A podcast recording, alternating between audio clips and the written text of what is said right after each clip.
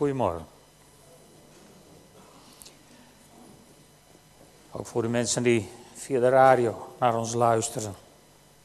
We beginnen vandaag aan een nieuw maandthema. En dat heet het doel van elke missie.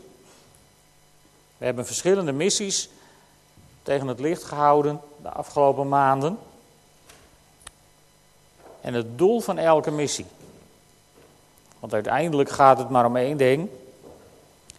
En dat zullen we meteen lezen. Ik wil met jullie graag lezen Matthäus 5.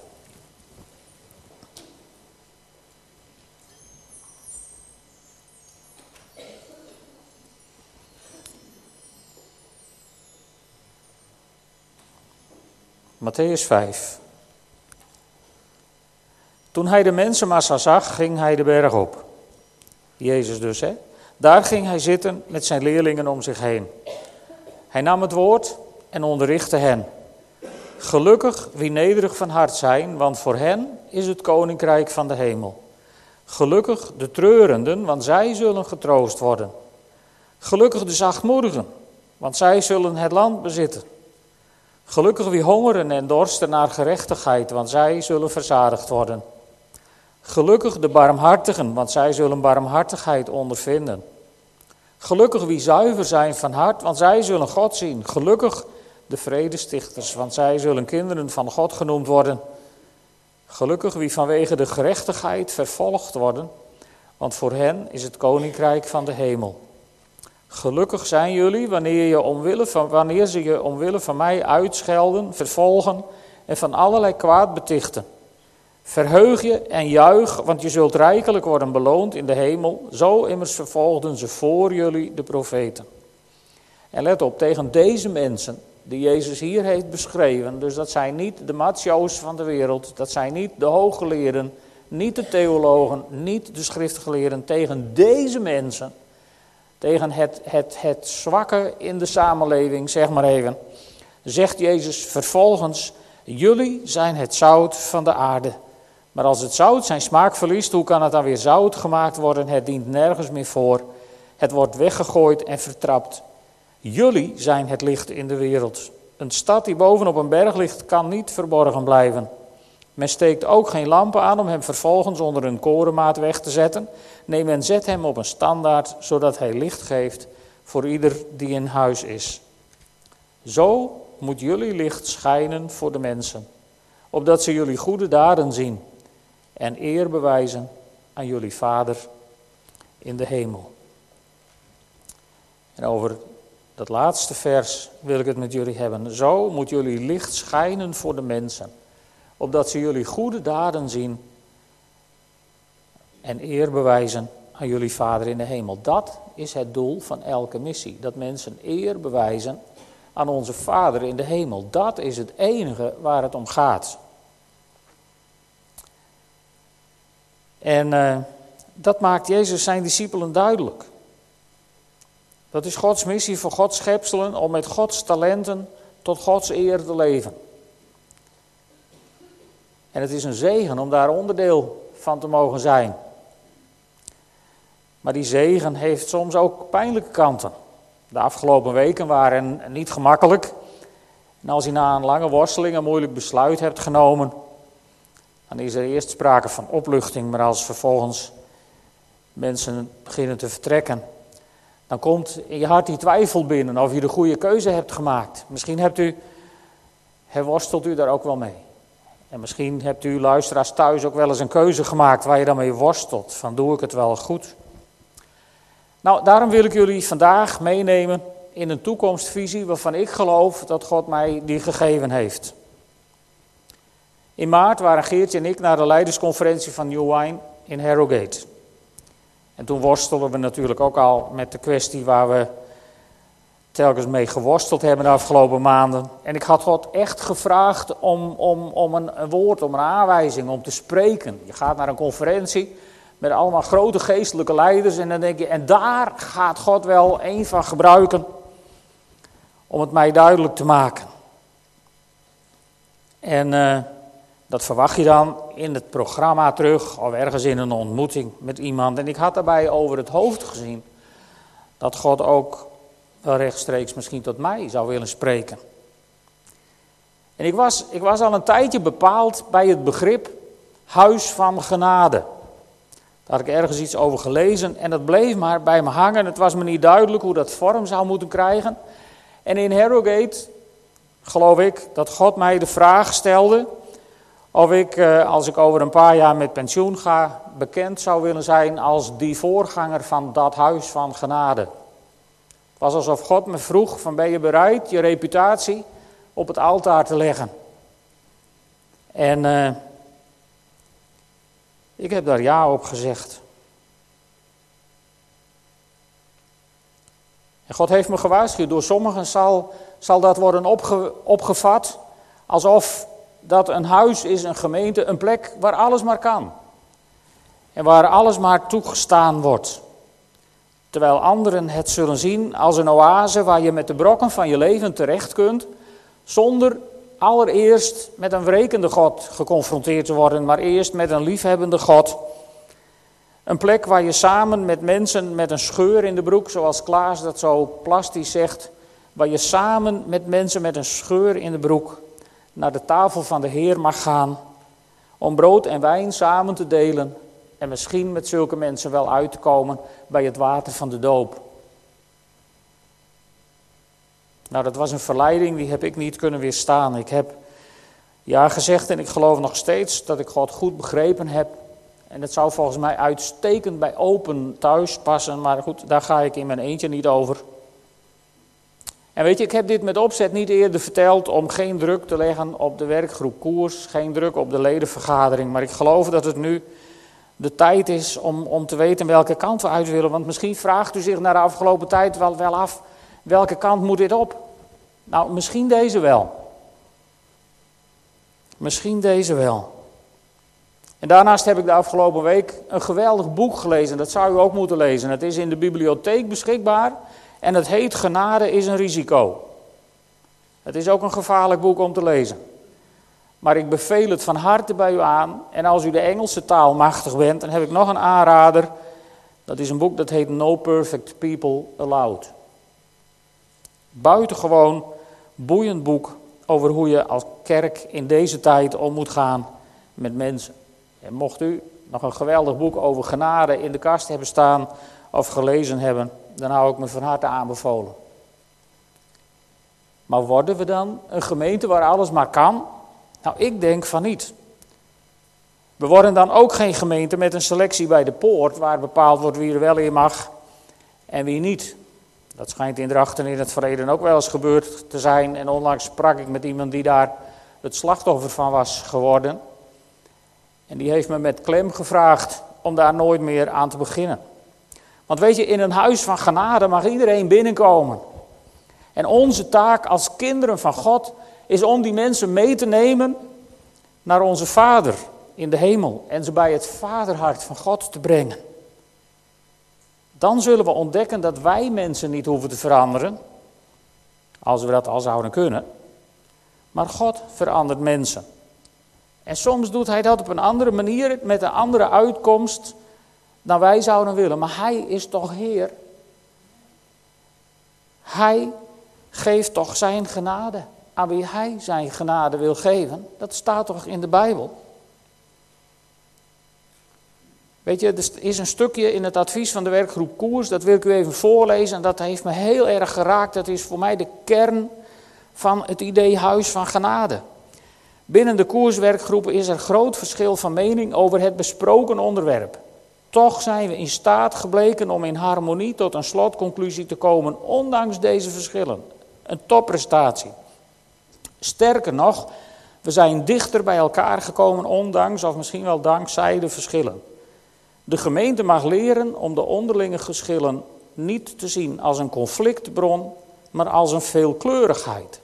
Zo zijn we hierin een voorbeeld voor onze kinderen en onze omgeving. Zie Johannes 17. Onze eenheid in Christus maakt dat anderen, dus ook onze kinderen, tot geloof kunnen komen. Onze oproep is dan ook om met elkaar in gesprek te blijven, ondanks de onderlinge verschillen, en te blijven zoeken naar verbinding.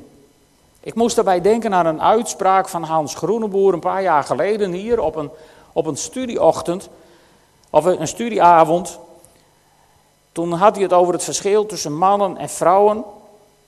En toen deed hij een uitspraak, die zal ik nooit weer vergeten.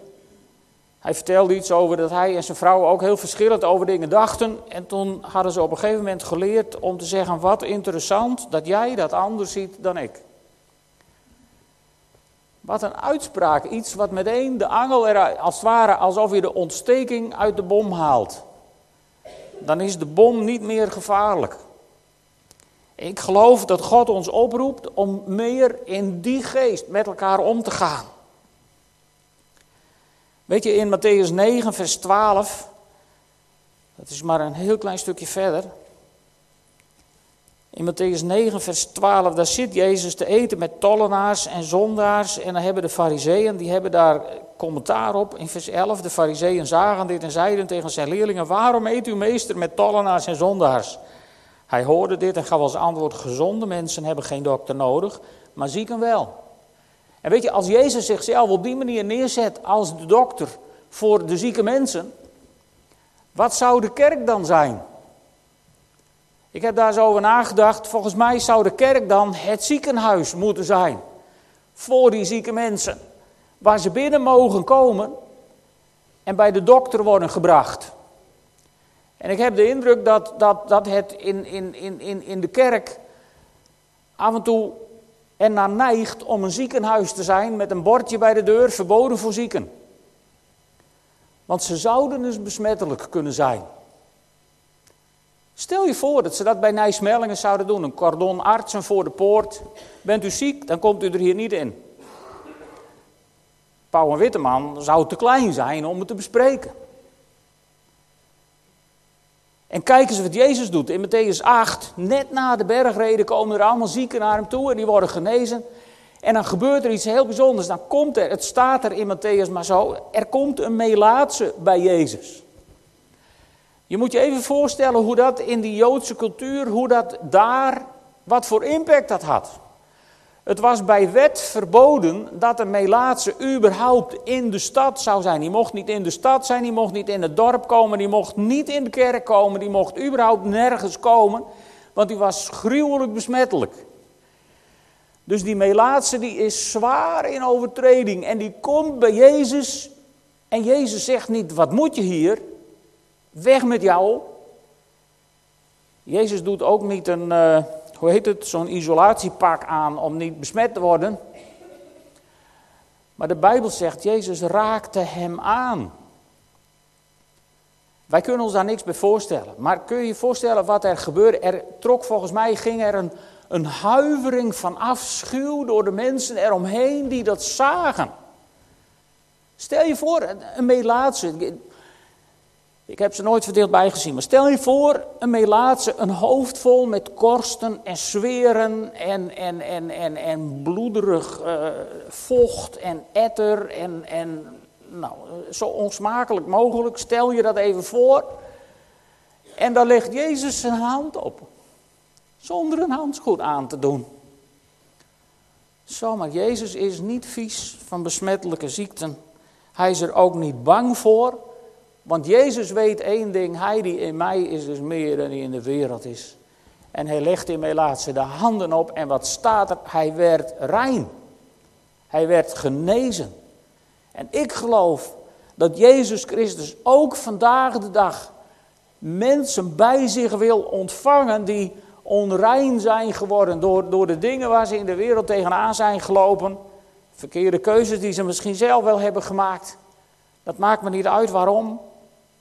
Maar Jezus is niet bang om besmet te worden. Ik heb het al heel vaak gezegd hier.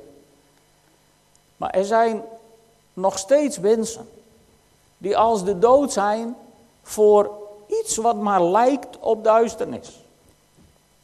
En hoe vaak heb ik het niet gezegd? In dit draaiboek staat: wie in mij is, is meer dan die in de wereld is. In dit draaiboek staat dat wij meer zijn door over, dan overwinnaars in Hem die ons heeft liefgehad. En lieve mensen, dat betekent dat mocht er al een sprankje duisternis pogen hier binnen te komen, dat die duisternis gillend op de vlucht slaat als de kinderen van God gaan staan in hun geestelijke positie. En als ze dan ook God nog gaan aanbidden, dan weet de duisternis zich van ellende geen raad. En daarom moeten we niet bang zijn en niet och en ach gillen, maar God gaan aanbidden. Ons hart richten op God. En dan gaan we de dingen in de wereld om ons heen zien in zijn perspectieven. Hij is Heer over hemel en aarde. En niemand anders. Ik las van een week een studie over een ander, zeg maar, verkeerd begrip. Wat, wat zeker in charismatische kringen heel vaak wordt gesproken. Dan wordt er gesproken over legaal recht wat Satan hier of daar zou hebben. En ik las een bijbelstudie van iemand die legde dat heel mooi uit. Hij zei, Satan is in principe een dief en een rover. En hij heeft in elk leven van een mens heeft hij geroofd, gestolen. En er is zo'n lied in opwekking waar staat dat het tijd is om terug te nemen wat God ons gaf. En die leraar die legde uit van Satan die wil ons laten geloven dat hij legaal recht hebt. Maar als ik straks uh, naar buiten loop en ik ga in een van jullie auto's zitten, dan geeft mij dat nog geen legaal recht op jullie auto. Als ik hem meeneem, heb ik hem hooguit gestolen. En dat is wat Satan doet. Hij is een dief en een moordenaar, een rover, een leugenaar vanaf den beginnen. Geloof de leugens niet. Maar richt je blik op Jezus. Wie is er sterker in jouw leven? De Heilige Geest die in jou woont, of welke geest ook maar die misschien ergens aan de buitenkant in je buurt komt. Wie is sterker in jouw leven? Jullie blijven wel akelig stil. Net of hebben jullie geen flauw idee wie het zou gaan winnen. Moet ik het jullie voorzeggen? Als de duisternis in de buurt komt, dan gaat de Heilige Geest in jou, die gaat het winnen. Maar die in mij is, is sterker dan die in de wereld is. En het wordt tijd dat het volk van God op deze aarde, en zeker hier in Drachten en in Nederland, dat weer gaat geloven. Dat we daar ook in gaan staan, dat we daarin gaan wandelen.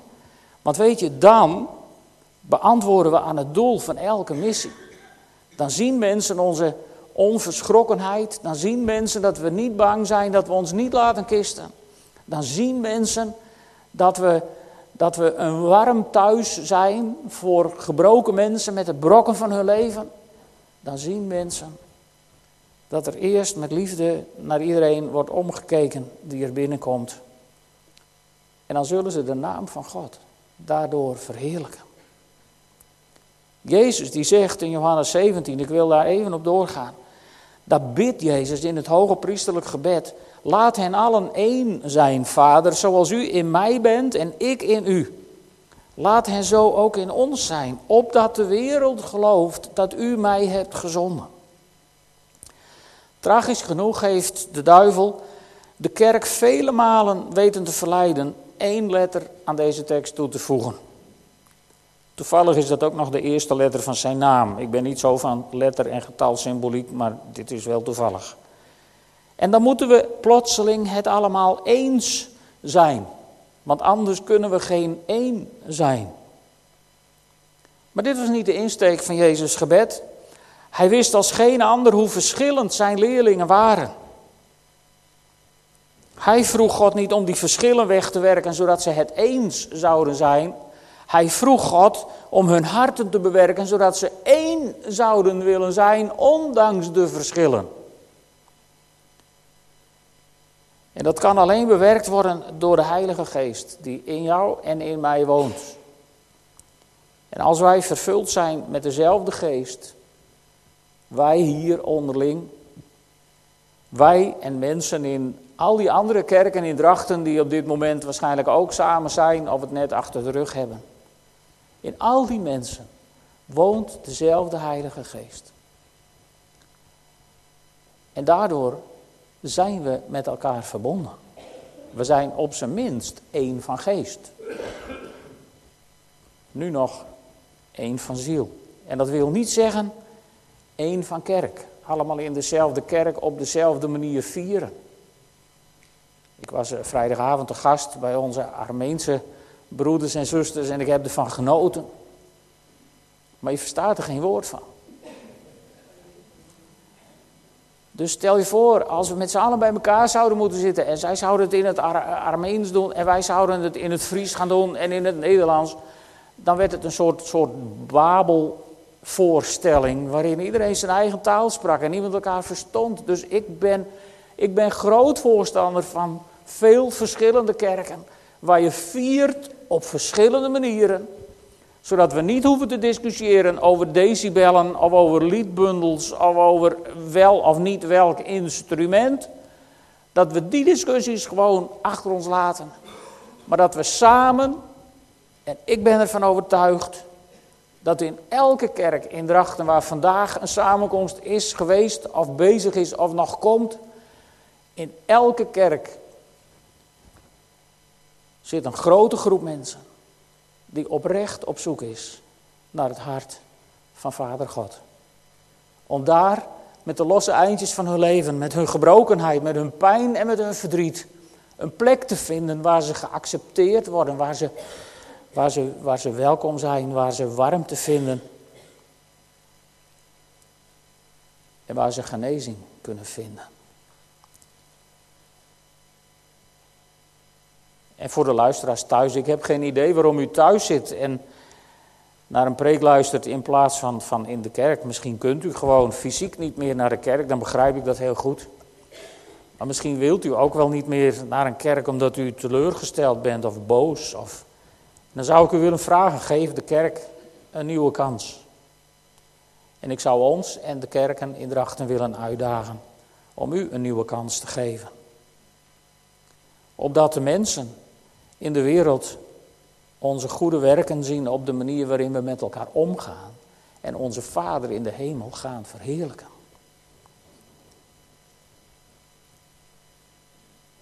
Het slotgedeelte van het advies van de werkgroep Koers was voor mij een grote bevestiging dat ik God goed begrepen heb.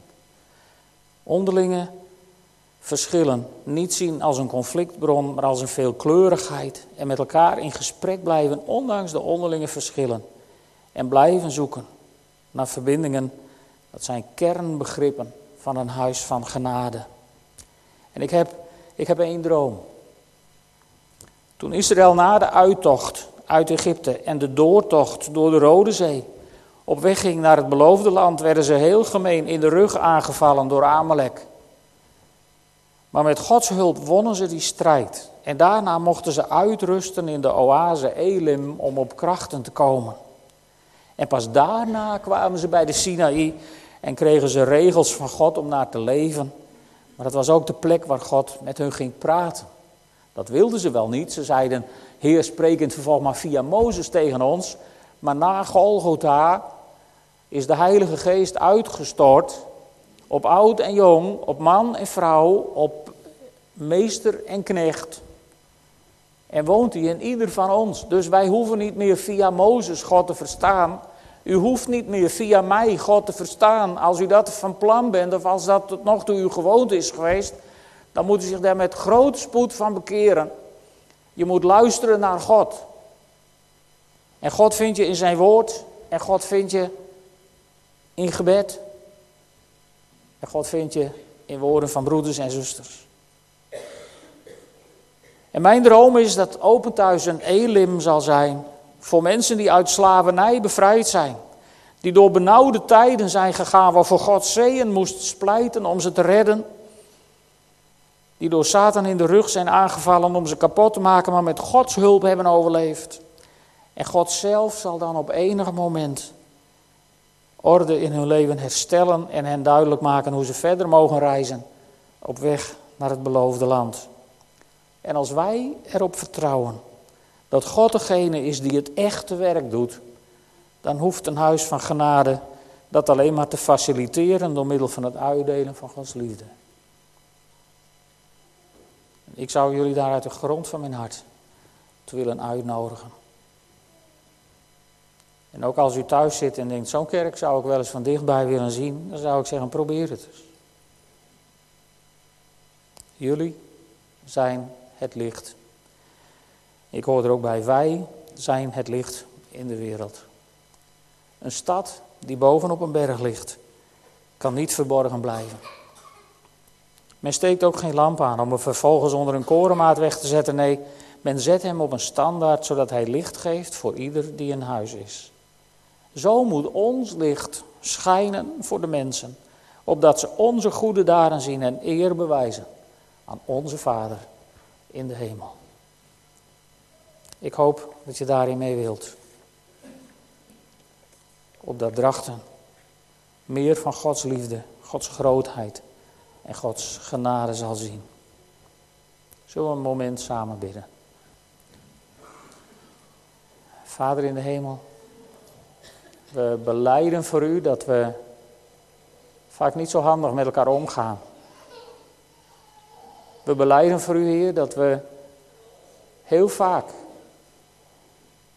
weinig goede daden hebben laten zien, zodat u aan eer tekort bent gekomen. Maar ik bid u, Heer, om een, een nieuwe kans. Ik bid u om een nieuwe beweging van uw Heilige Geest. Ik bid u om een geweldige verfrissing, Heer, door, ja, door de, de reinigende kracht van uw bloed. Zo bid ik u om, om met ons te zijn en te blijven, ook als we zometeen avondmaal vieren. Heere God, ook dat draag ik aan u op. En ik bid u, laat ons u ontmoeten in brood en wijn. Dat vraag ik van u in de naam van Jezus. Amen. We gaan een heel klein filmpje zien. Met een lied van Sela. Als inleiding op het avondmaal.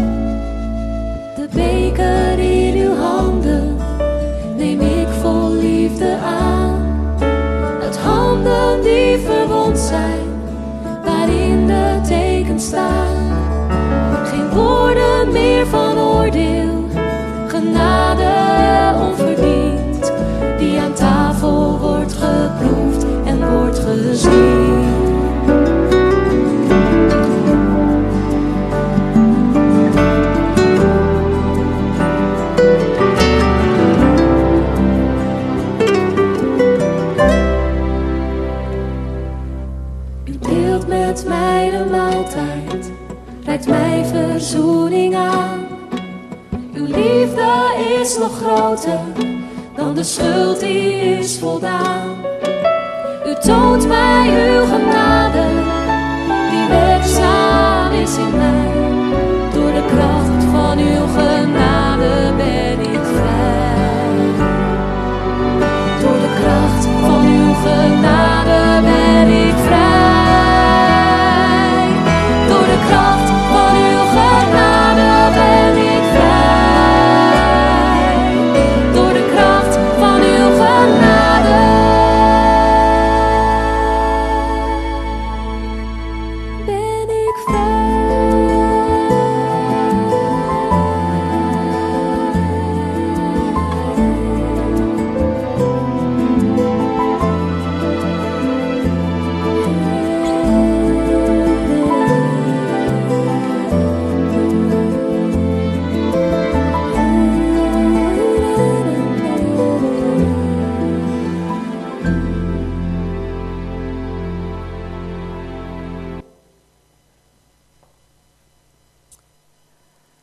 Kracht van zijn genade zijn wij vrij.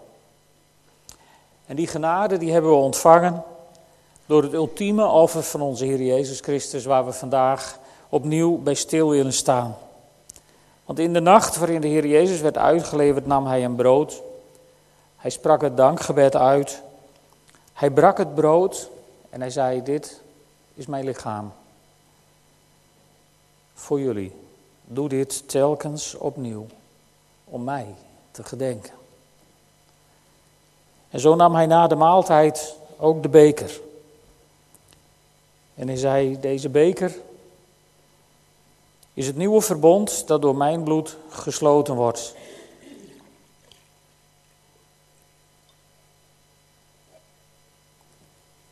En ook hierbij zei Jezus: Doe dit telkens als jullie hieruit drinken, om mij te gedenken. Want als hij van het brood eet en uit de beker drinkt, verkondigt u de dood des Heren, totdat hij komt. Amen. Ik wil de familie From en Boukje en Rijn vragen om hier te komen. Voor de gasten, er uh, zal hier en daar zullen mensen staan met brood en wijn.